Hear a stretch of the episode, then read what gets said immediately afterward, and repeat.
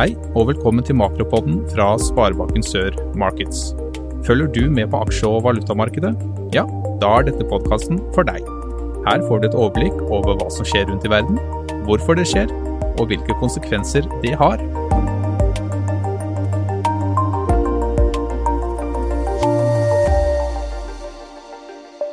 Da sier vi velkommen til en ny episode av Makropodden fra Sparebanken Sør Markets. Og nå er vi kommet til første uke i februar. Og I dag skal vi snakke om eh, vaksinesituasjonen, som er stort sett altoverskyggende i øyeblikket. Vi skal snakke litt om nedstengning og mutasjoner.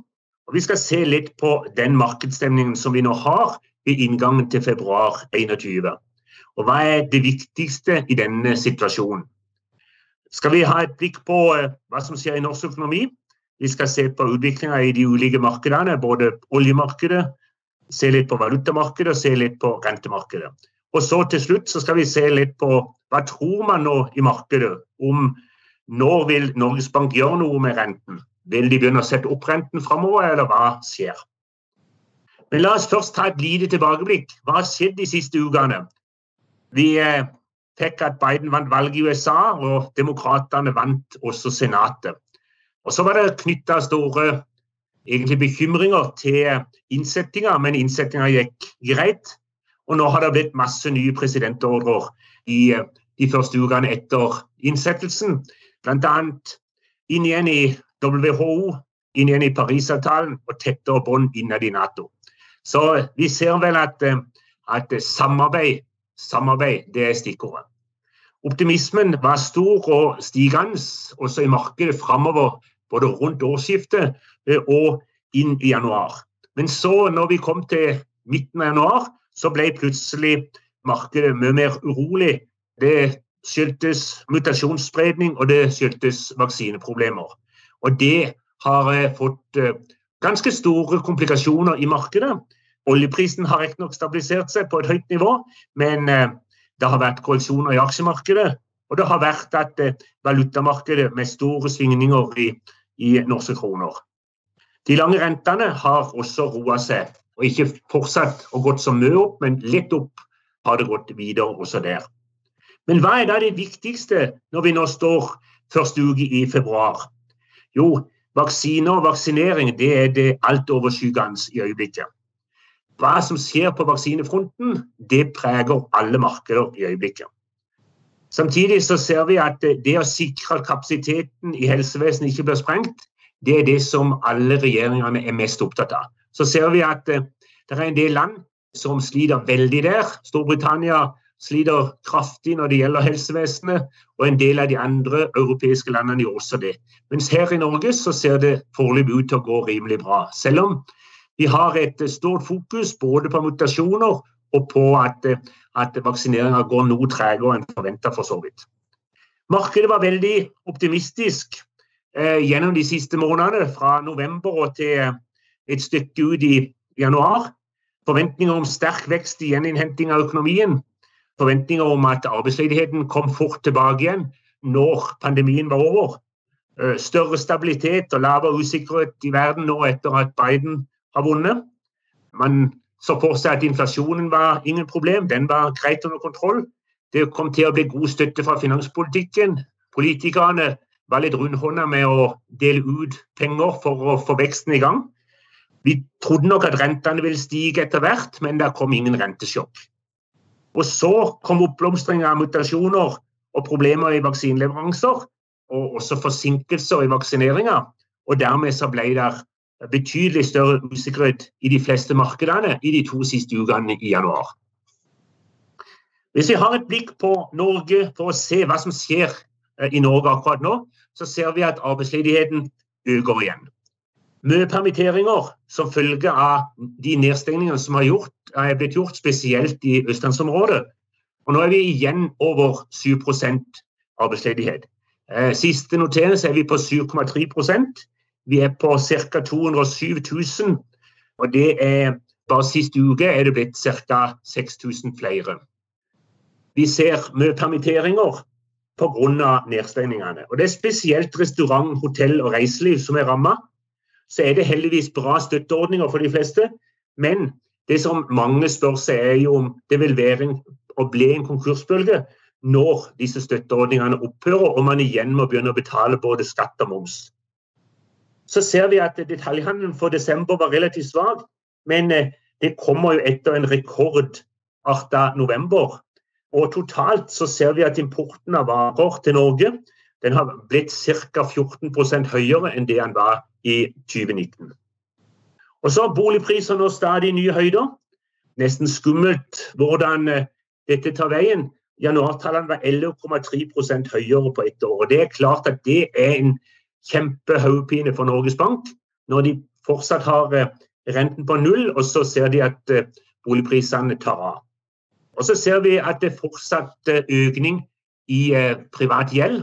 Det er også en tegn på det samme, nemlig at boligprisene øker, og dermed så øker også gjeldsbelastninga på privat hand.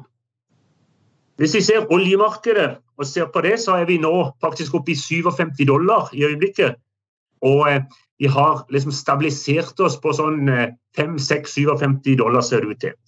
Det som er hovedgrunnene bak det, det er jo at eh, her for 14 dager siden, midten av januar, så ble det enighet i et utvidet OPEC om reduksjon av produksjonen fra og med februar.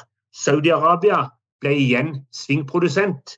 De reduserer sin produksjon med 1 million fat i døgnet. Så fikk Kasakhstan og Russland lov til å øke produksjonen. Og Saudi-Arabia er blitt mer villig til å ta rollen igjen som svingprodusent. Og I tillegg så var det økt optimisme som følge av vaksinehåp og sterkere forhåpninger om økt pengetrykking i USA. Og dermed også forventninger om høyere aktivitet i verdensøkonomien i 2021.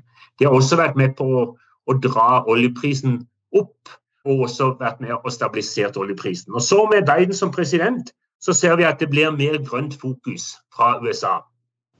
Og Dermed så blir det vanskeligere for produsenter av skiferolje til å kjapt øke sin produksjon. Det var jo det som vi så eh, i de siste halvannet årene, at det hvis oljeprisen kom noe opp, så ble det bare økt produksjon fra skiferolje i USA, og så eh, møtte uh, oljeprisen litt taket i den formen.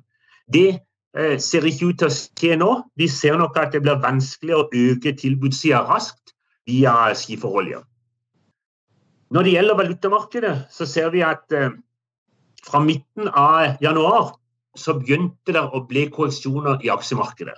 Og Det gjorde også at det ble en smitteeffekt inn i valutamarkedet.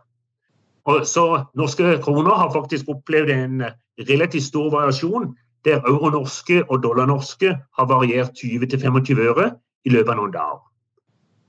Mange var jo, som vi har vært inne på, veldig optimistiske i begynnelsen av januar. Og da er det lett for at det kommer korreksjoner, og de korreksjonene har vært relativt store. Så som sagt, 20-30 øre i bevegelse på både euro-norske og, og dollar-norske. Det er viktig da å ha valutasikring, sånn at eh, snakk gjerne med oss på det. For det er valutasikring og det å, å ha en forutsigbarhet på hva du skal betale hvis du er importør, eller hva du får igjen hvis du er eksportør, det er viktig. Vi tror nok at trenden fortsatt er mot sterkere norske kroner, men eh, det som er helt sikkert, det er at det vil komme en del korreksjoner. Hva skjer så i rentemarkedet? Vi så en kraftig oppgang i de lange amerikanske statsobligasjonene etter at Joe Biden ble president, og også etter at demokratene vant Senatet. Og Det har dratt med seg de eh, lange norske rentene òg. Vi har fått eh, stadig gjennom både desember og januar, og nå også bitte grann ut i de første dagene av februar, så har vi fått eh, litt høyere lange renter. Nå kan femårs sikring gjøres på ca. 1,05, og tiårs sikring kan gjøres på ca. 1,40. Og Så kommer da bankens margin på toppen av det, på samme måte som det kommer på flytende. Tre måneders Nibor, som vi benevner som den flytende renten, ligger på ca. 0,50 i øyeblikket. Og så skal vi huske at uh, før pandemien slo inn, så var de flytende renter, altså tre måneders Nibor, ca. 2 og eh, hvis da verden gjennormaliserer seg, og det kommer vekst i norsk økonomi eh, for fullt igjen, og vi da samtidig har en underliggende kraftig prisvekst i de siste året eller to, så er det klart at Norges Bank vil bli tvungen til å måtte vurdere renteøkninger. Og vi ser at flere og flere av analytikerne nå tror på at Norges Bank vil begynne å øke renten. Kanskje allerede fra helt i slutten av dette året, men i hvert fall fra første kvartal 2022. Og Så spørs det hvor mange renteøkninger det kommer i 2022 og 2023. Nordea f.eks. tror det kan komme fire renteøkninger i løpet av 2022. Og Da har vi plutselig kanskje en flytende rente, ikke på 0,50 som vi har i dag, men da har vi kanskje en flytende rente på 1,50. Og Da kan det være et godt valg å i dag sikre fem år på 1,05 eller syv år på 1,25. Så eh, snakk gjerne med oss om eh, også rentesikring. Eh, så kan vi se om det er noe som, som både du og styret kan gå gjennom og vurdere. Da skal vi ta en liten oppsummering på det vi snakka om i dag. I dag snakker vi om vaksinesituasjonen, som er det altoverskyggende i markedet, og som egentlig styrer de fleste markedene i verden i øyeblikket. Hva skjer? Kommer det nye vaksiner? Hvor fort kan selskapene leverer vaksinene? Og slike ting. Det har stor betydning på markedsstemninga. Og eh, så så vi litt på hva som er det viktigste i denne situasjonen. Vi så litt på hva som skjer i norsk økonomi. Vi så litt på utviklinga i de ulike markedene. Oljemarkedet, rentemarkedet og valutamarkedet.